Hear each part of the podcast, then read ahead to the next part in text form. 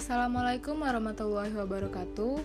Hari ini saya akan membahas mengenai isu kontemporer yang berkaitan dengan ketahanan nasional. Di sini saya akan mengambil isu ketahanan pangan jadi bagian ketahanan nasional.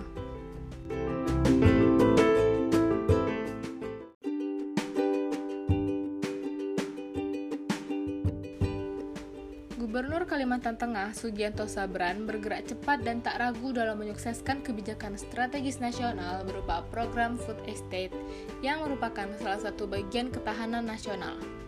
Program Food Estate ini sebagai upaya mengantisipasi ancaman krisis pangan akibat dampak dari pandemi COVID-19.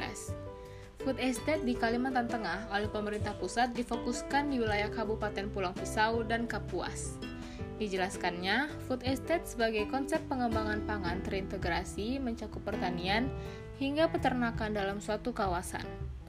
Food estate merupakan salah satu program strategis nasional.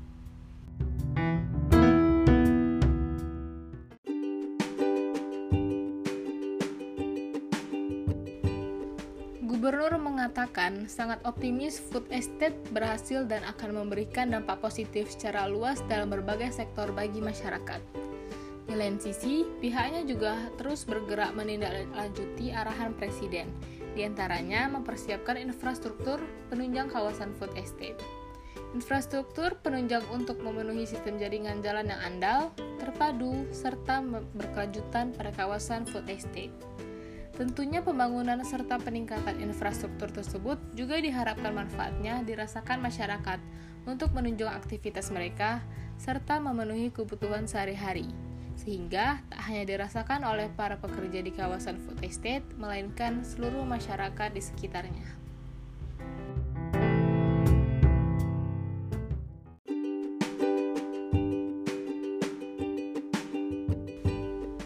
Hingga pada akhirnya, selain dalam hal ketahanan pangan, dampak positif food estate juga berupa pembangunan infrastruktur, lapangan kerja, hingga pertumbuhan ekonomi.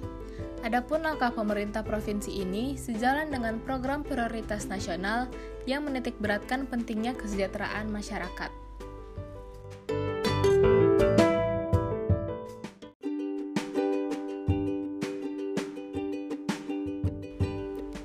Tanggapan saya mengenai isu tersebut yaitu program food estate yang sedang dijalankan sangat bermanfaat bagi masyarakat sekitar, terutama untuk mengatasi ancaman krisis pangan akibat dampak COVID-19.